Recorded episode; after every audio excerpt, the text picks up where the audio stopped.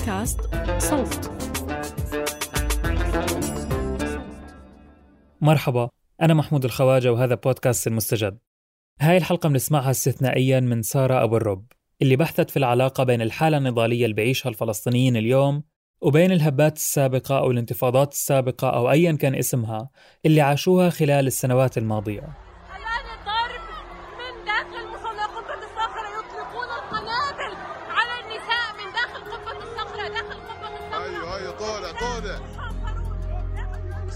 صواريخ فولتس يا شباب.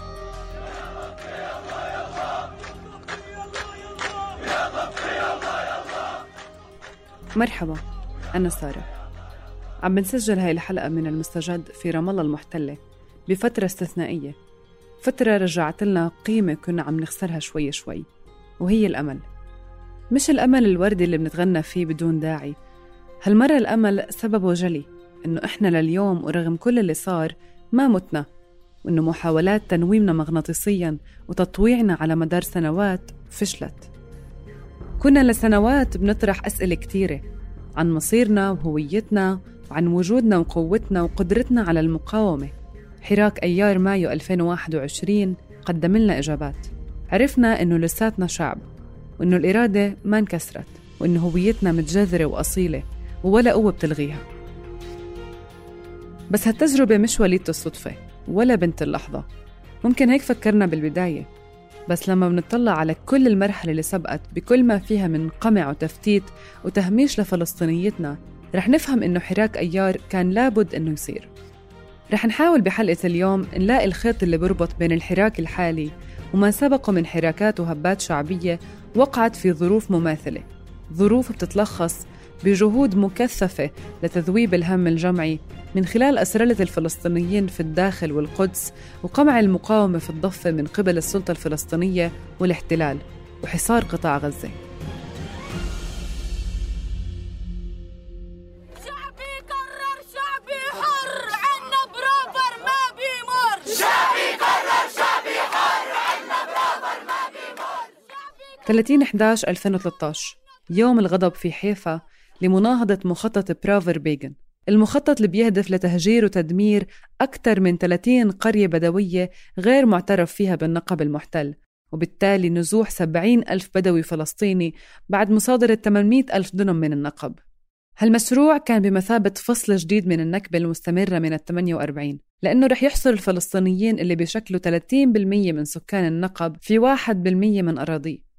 إسرائيل ما قدرت تعلن عن هيك مشروع إلا بعد سنوات من السياسات والآليات اللي خلتها تضمن ردة فعل الفلسطيني في الداخل تحت مظلة ما يسمى المواطنة والاندماج بين العرب واليهود في الدولة اليهودية. وهذا تكثف بعد ما يعرف بلجنة أور اللي تشكلت للتحقيق بجرائم الشرطة الإسرائيلية بحق فلسطينية الداخل خلال الانتفاضة الثانية بسنة 2000 لما الفلسطينيين بالداخل شاركوا باحتجاجات ومظاهرات بالتوازي مع إخوتهم في الضفة وغزة. ومن خلال اللجنة قدرت إسرائيل تسيطر على الأحزاب الفلسطينية بالداخل لأنه الأحزاب اعتبرت لجنة أور طوق نجاة للفلسطيني في الداخل وكأن المنظومة الاستعمارية الإسرائيلية رح تتوقف عن استهدافها للفلسطيني وهويته ووجوده باللجوء لمحاكم المؤسسة الإسرائيلية. وبالمقابل ضخت إسرائيل أموال ومشاريع للبلدات الفلسطينية بالداخل بميزانيات ضخمة وعملت على تحويل الصراع بين المستعمر والمستعمر لصراع انتزاع حقوق وامتيازات مش أكثر كل هذا بسبيل محو أي محاولات شعبية للانتفاض على الدولة الاستعمارية. هذه السياسات إيه، يعني تبينت وتوضحت من خلال مخرجات لجنة أور من خلال محاولات ومشاريع مع ميزانيات ضخمة لدمج الفلسطيني في السوق الإسرائيلية إيه، مشروع الخدمة المدنية مع ميزانية ضخمة كمان مع محاولات وتجند من منظمة مؤسسات السلطات السلطة المحلية ومن المؤسسات الإعلامية لطمس أي هوية فلسطينية أو أي عمل بأخذ طابع فلسطيني أو خلينا نقول خارج المظلة الإسرائيلية هذا كان صوت الناشط الشبابي ناجي عباس من الجليل الفلسطيني المحتل اللي بيعتقد أنه مشاريع الأسرلة والدمج سقطت لأول مرة بعد الانتفاضة الثانية من خلال حراك برافر. حراك شباب فلسطيني بروح جديدة بترفض العمل تحت المنظومة الإسرائيلية وبتأكد على أنه النضال الفلسطيني بالداخل مش هدفه المساواة في الحقوق وتحصيل امتيازات من هون وهون. هو بالأساس نضال لتفكيك المنظومة الاستعمارية اللي اسمها إسرائيل. حراك برافر اجى بعديه عشر سنين من سياسات ممنهجة من إحباط عام وجو من التشاؤم في الحالة الفلسطينية الوطنية الشاملة. إجا كردة فعل وإجا كتطوير لدعوات اللي هي كانت دائما موجودة لمواجهة المؤسسة الإسرائيلية من قبل الأحزاب والمؤسسة والأحزاب الفاعلة في الساحة الفلسطينية. إيه، بس هاي الدعوات دائما كانت تأخذ شكل فلكلوري أو شكل روتيني اللي بيمنع المواجهة مع المؤسسة الإسرائيلية وما بيقدر يوقف المشاريع المطروحة من قبل مؤسسة ودولة مع ميزانيات ضخمة. بالانتفاضة الأولى والثانية كان الاحتلال يجبر أصحاب المحلات على فتح مصالحهم ويخلع أقفالها. أما مؤخراً صار الإضراب مجرد دعوات عن طريق الأحزاب ما بتتقابل باستجابة واسعة. هذا نتيجة لتشتت وغياب التمثيل النقابي للقوى العاملة وتوسع الأعمال التجارية للفلسطينيين في الداخل واعتماد كتير منها على المستهلك الإسرائيلي. فبالتالي صار في تراجع بالالتزام بالإضرابات من قبل العمال اللي بيخافوا ينفصلوا لو أضربوا أو من بعض المؤسسات اللي بتحاول تحيد حالها عن السياسة بحجة إنها تخدم المجتمع ومش لازم تتعطل مثل المدارس الخاصة. لكن كل هذا تغير في حراك برافر التغيير اللي صار في صيف 2013 إنه في مجموعة من الشباب اللي إني من كوادر الأحزاب ومن الكوادر والناشطين من خارج الأحزاب. شباب فلسطيني اللي قرر بشكل مستقل إنه يستلم زمام الأمور ومش يتجاوز دعوات الأحزاب ووجود الأحزاب إنما يرتقي فيه ويرفع سقف المطالب وسقف المواجهة وسقف طريقة العمل. التنسيق العالي بين النشطاء وضعهم بمكان القيادة وأجبر الأحزاب تلتحق بالحراك. من ناحية تانية حجم وقوة المظاهرات كان مفاجئ لإسرائيل أمنياً واللي تجلى في مظاهرة 30-11 اللي تنظمت في حيفا والنقب ورام الله وبلدان أخرى. وهاي كانت أول مرة بتشهد احتجاجات بالتنسيق بين الضفة والداخل من الانتفاضة الثانية. شوي شوي هذا الحراك صار ياخذ طابع اللي هو كثير جديد بالحالة الفلسطينية في الداخل. إنه صار في محاولة أو شكل من التنظيم اللي هو غير حزبي. تنظيم أفقي تنظيم نشط تنظيم مجتهد تنظيم اللي مستعد يقدم تضحيات بشكل آه، واقعي وعلمي. اتخذت شكل آه، مش المظاهرات العادية إنما انتهجت لنفسها نوع تكتيك وهو اسمه تسكير الشوارع. هذا التكتيك يعني انطرح بقوة إنه هدف وتكتيك وطريقة لخلق مواجهة مع المؤسسة الإسرائيلية. ووقتها حتى المؤسسة الإسرائيلية الإعلامية سمت الحدث في 30 11 انتفاضة البدو.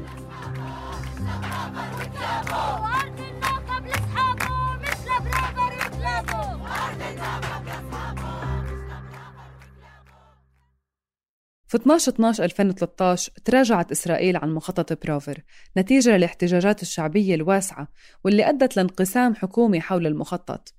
وهذا كان أول إنجاز فعلي للمقاومة الشعبية في الداخل بالسنوات العشر الأخيرة. بعد سبع شهور من إسقاط مخطط برافر وعينا بصبيحة الثاني من تموز يوليو 2014 على فاجعة إحراق الطفل محمد أبو خضير في القدس على أيدي مستوطنين. خطفوه بطريقه لصلاة الفجر في أحد أيام رمضان. اعترضوا طريقه وأخذوه بسيارتهم لأحراج قرية دير ياسين المهجرة. هناك شربوه وسكبوا عليه البنزين وأشعلوا النار بجسمه.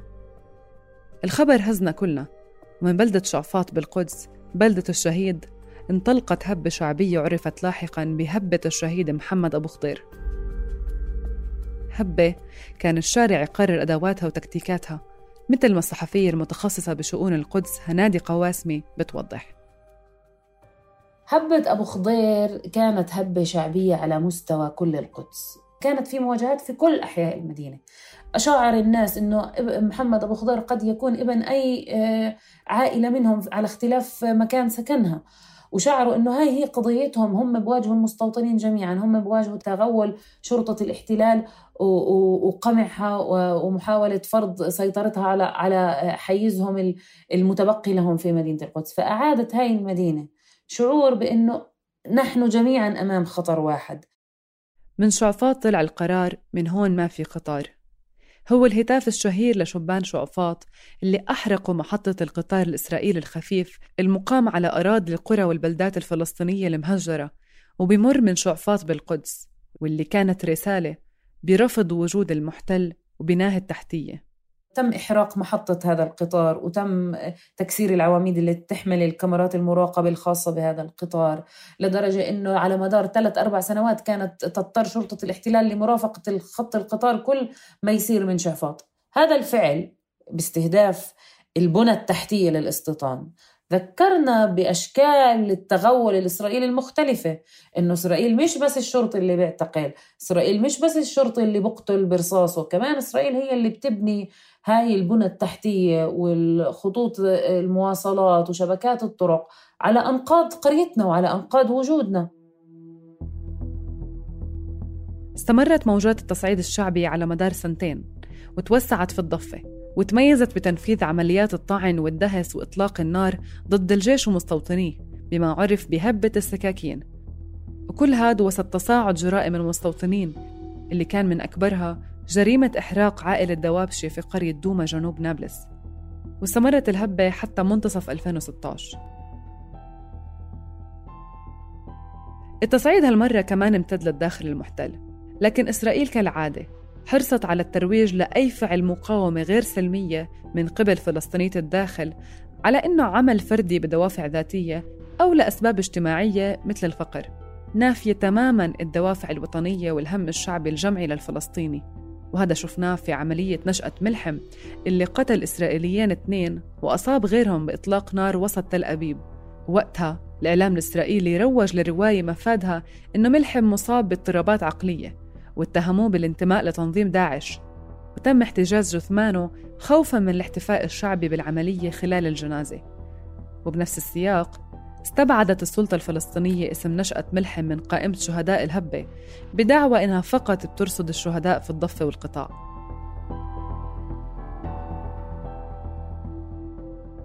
وجود السلطة الفلسطينية في الضفة الغربية لطالما شكل عائق إضافي أمام تشكل الحراكات الشعبية والتنظيم العسكري والمقاومة المسلحة وهذا بموجب اتفاق أوسلو. وبالتالي بيلجأ الفلسطينيين لعمليات الطعن أو الدهس مثلا اللي ما بتحتاج لتخطيط وموارد لشراء الأسلحة وتنفيذ الهجوم. وبالتالي بتقل فرصة ملاحقتهم من قبل أجهزة الأمن الفلسطينية أو قوات الاحتلال لمنع تنفيذ مخططاتهم. بعكس القدس إحدى مميزات مدينة القدس إنه لا توجد فيها هاي القيادة التي يمكن أن تضبط الناس بطريقة تخالف آه، إرادتهم السياسية وطموحهم السياسي. وإحنا دائما بنشوف إنه كيف آه، وجود السلطة الفلسطينية في أراضي الضفة الغربية آه، وسياساتها الطويلة على مدار عشرين سنة في قمع الناس ومحاولة تقييدهم وتكبيلهم بالاستهلاك وبالقروض وبالملاحقة السياسية ومنعهم من مواجهة الاحتلال. هذا الشيء مش موجود في القدس. لا توجد سلطة فلسطينية رسمية. فبالتالي الناس يملكون أمرهم بشكل أكبر ويملكون القرار بشكل أكبر ويملكون كمان أن يهتفوا ضد التنسيق الأمني بشكل أوضح وصوت أعلى في قلب المسجد الأقصى. فهذه واحدة من المميزات. التنظيم العفوي والنابع من الشارع في مدينة القدس كان سبب أساسي في نجاح المواطنين بانتزاع حقوقهم وفرض إرادتهم على الأرض في أكثر من حدث. وواحدة من أهم هاي الانتصارات كانت هبة باب الأصباط في صيف 2017 بعد ما نفذ ثلاث شبان اشتباك مسلح مع الشرطة الإسرائيلية في المسجد الأقصى قرر رئيس الوزراء الإسرائيلي بنيامين نتنياهو إغلاق المسجد ومداخل البلدة القديمة ومنع إقامة صلاة الجمعة. ومن جملة الإجراءات ثبتت بوابات إلكترونية على مداخل الأقصى لفحص المصلين الداخلين للصلاة. المقدسيين رفضوا بشكل قاطع العبور من البوابات وبدأ اعتصام الآلاف بأداء الصلوات في الشوارع حول المسجد لحين إزالتها. وتميز الاعتصام بتوافد الفلسطينيين من الداخل لمساندة أهلهم بالقدس. هبة باب الأصباط كانت آه، مميزة جدا إنها جمعت شرائح مختلفة من المجتمع الفلسطيني وفي التحلق حول المسجد الأقصى باعتباره آه، يعني رمز مكثف للوجود العربي الفلسطيني المسلم في مدينة القدس. الناس بكافة أطيافها المتدينة وغير المتدينة الشباب وغير الشباب الكبار النساء الأطفال كانوا متحلقين حول المسجد الأقصى خلال هبة باب الأصباط أعداد المصلين الكبيرة في الشوارع شكلت خطر أمني بالنسبة لإسرائيل وعرقلت حركة السير. لهيك تقرر إزالة البوابات مع الإبقاء على إجراءات أمنية تكنولوجية متطورة وإغلاق باب حطة. هالقرار قوبل برفض شعبي واسع. المعتصمين هتفوا بصوت واحد ما في دخول وما في دخول وباب حطة لسه مقفول. وانتشرت بوسترات مكتوب عليها إن كل كاميرا رح تتركب في الأقصى رح تتكسر.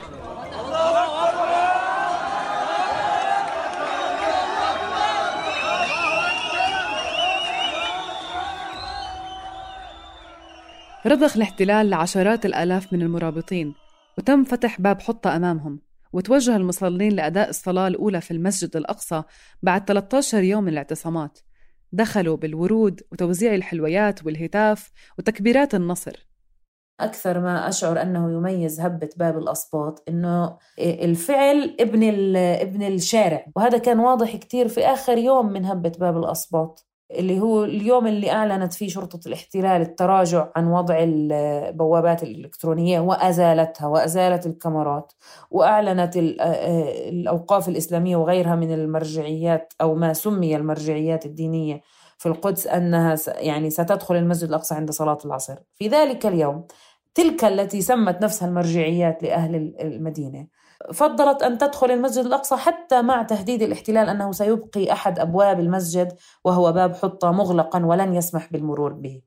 الناس التقطوا هذا ال هذا ال هاي القضية في الشارع فقرروا فورا يعني ابن الشارع هذا قرار ابن الشارع أنه لن ندخل إلا إذا فتح باب حطة. يعني هذا ابن الشباب الفلسطينيين اللي كانوا موجودين في المكان وشافوا إنه يعني بوعي ثوري واضح ونقي إنه هذا الإنجاز سيكون ناقص إذا قبلنا الدخول بدون باب حطة. وإذا دخل قبلنا الدخول وباب حطة مغلق فهذا يعني أنه سيغلق للأبد.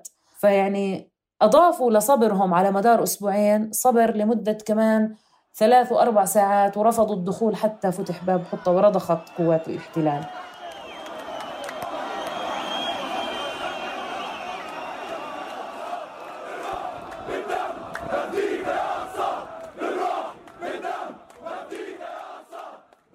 رغم محاولات كثيرة بإشعار المرابطين بأنه مقاومتهم بلا جدوى وأنه الاحتلال ما رح يتراجع إلا أنه تراجعها أثبت بأن القوى الشعبية بإمكانها تغلبه.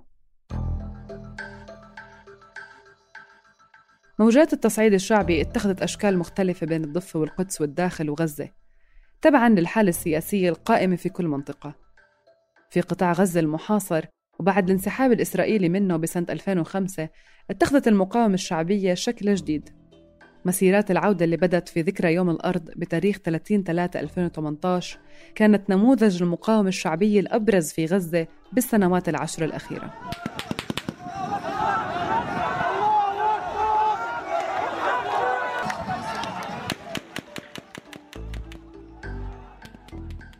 الجيش الإسرائيلي المحصن خلف سياج بطول أكثر من ست أمتار وتلال رملية وإسمنتية وجيبات عسكرية استهدف المشاركين بالمسيرات بشكل مباشر بالرصاص الحي. فقتل العشرات وأصاب الآلاف على مدار سنة من المسيرات كل جمعة. ووثقت عدة مقاطع فيديو قنص شبان في ظهرهم أثناء هروبهم عن السياج الأمني. وبعد ما نشر الجيش آلاف من عناصره على طول السياج وصلت قنابل الغاز لمئات المترات عن السياج الأمني. علما أن الهيئة الوطنية العليا اللي دعت للمسيرات كانت تتأكد على سلميتها حتى إنها طالبت بعدم إشعال الإطارات المطاطية أو إرسال البالونات المشتعلة لإحراق الأراضي والمزروعات الواقعة في مستوطنات غلاف غزة خلف السياج واللي تميزت فيها هالهبة الشعبية.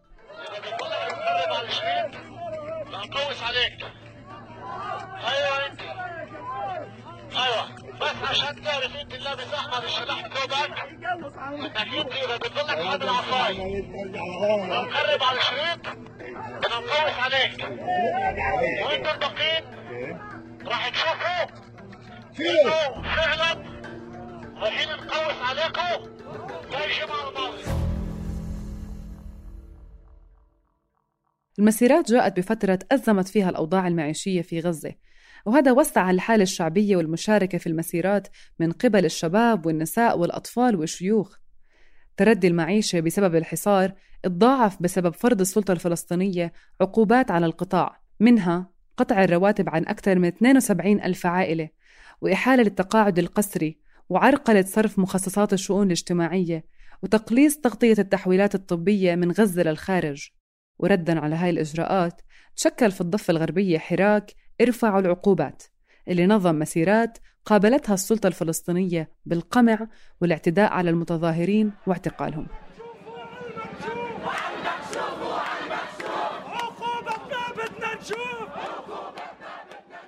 اتهمت السلطة المتظاهرين بأنهم أصحاب أجندات اللي ضربوا وسحلوا بالشوارع بسبب رسالة دعم لأهلهم في غزة ورفض لسياسات السلطة ضد القطاع وتأييد لمسيرات العودة.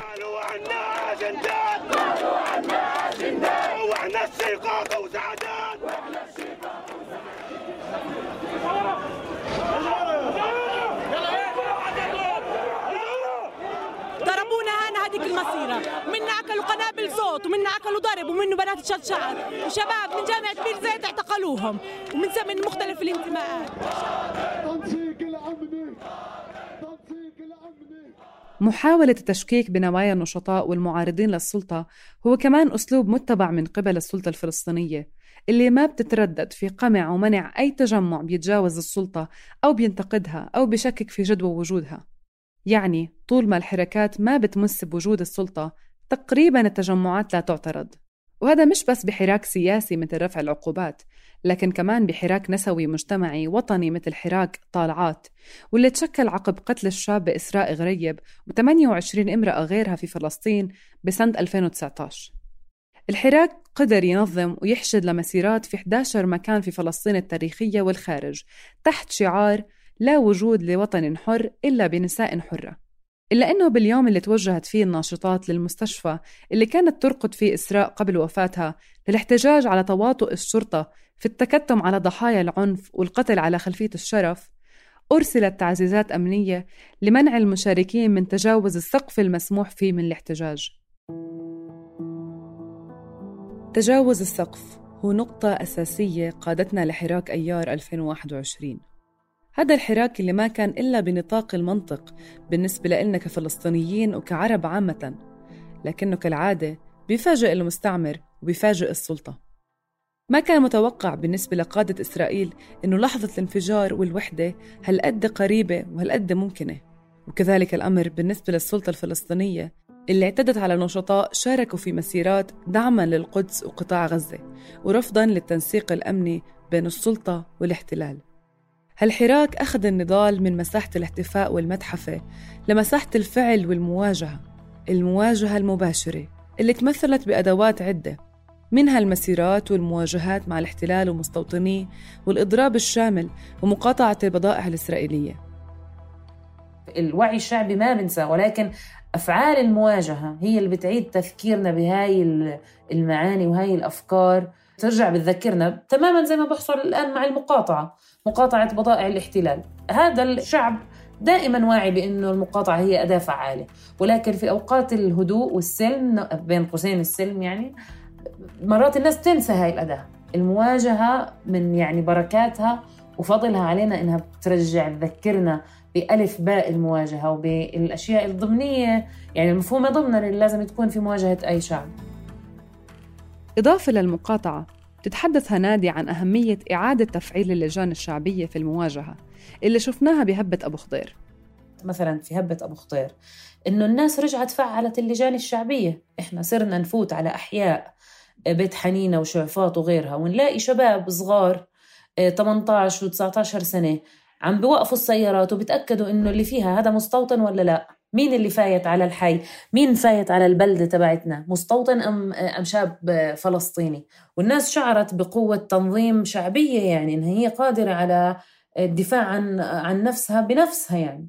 فكان مثلا في عنا آه، اللجان الشعبية كان في عنا موجة دائما تحذيرات إنه يا شباب انتبهوا على المفرق الفلاني في مستوطنين آه، في المكان الفلاني في مستوطنين. كمان صار في يعني كأنه إعلان استقلال لهاي البلدات. هاي البلدات كانت في كثير من الأحيان يلجأوا إلها مستوطني المستوطنات القريبة من أجل شراء بعض احتياجاتهم.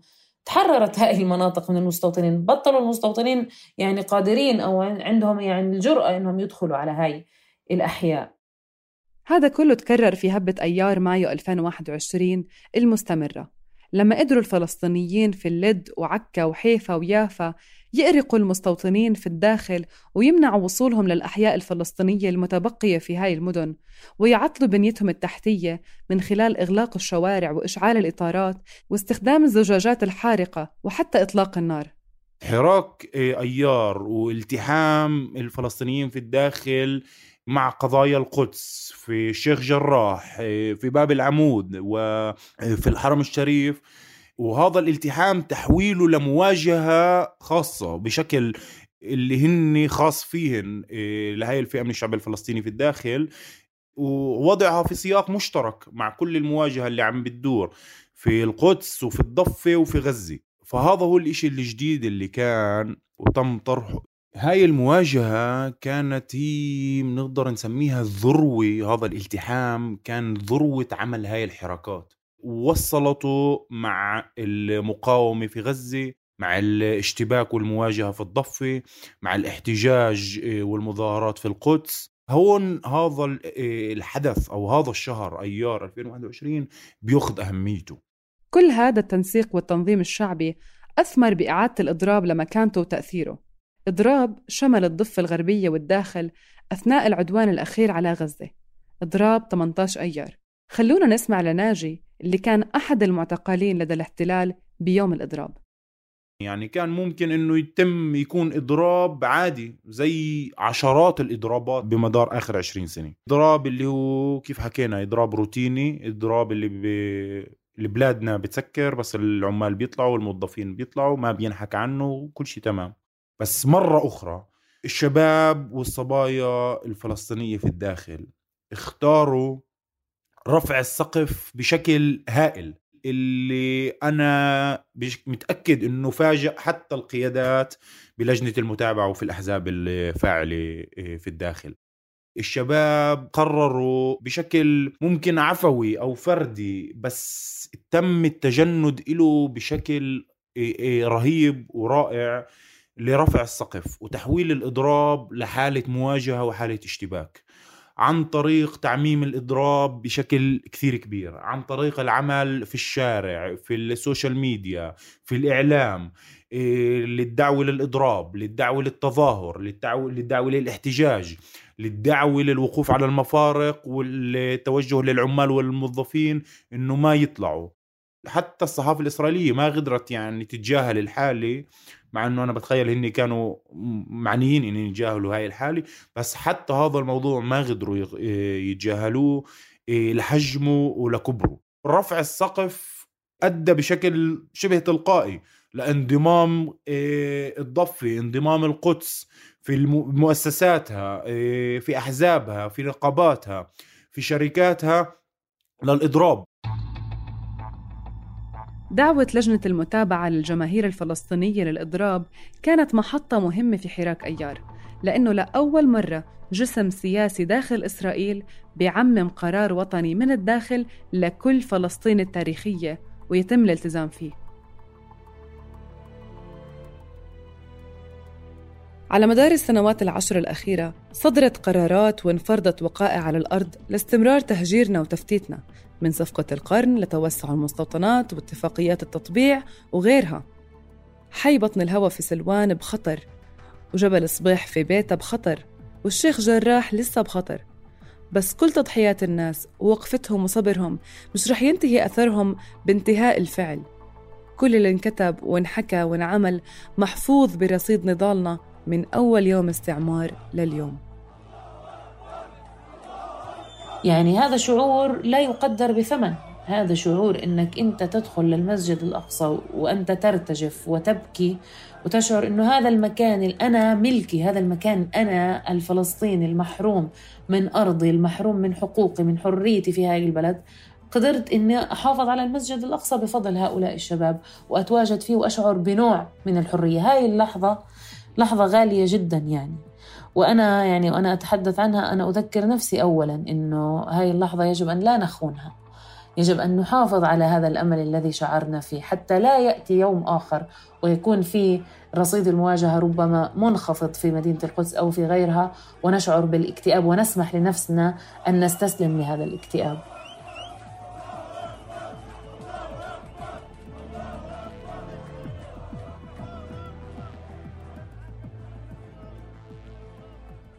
بودكاست المستجد من إنتاج صوت. كنت معكم من الإعداد والتقديم سارة أبو الرب من التحرير رنا داوود من المونتاج محمود أبو ندى ومن النشر والترويج بيان حبيب وبسام سمهوت. ما تنسوا تشتركوا بقنوات المستجد محل ما بتسمعوا بودكاست. سلامات.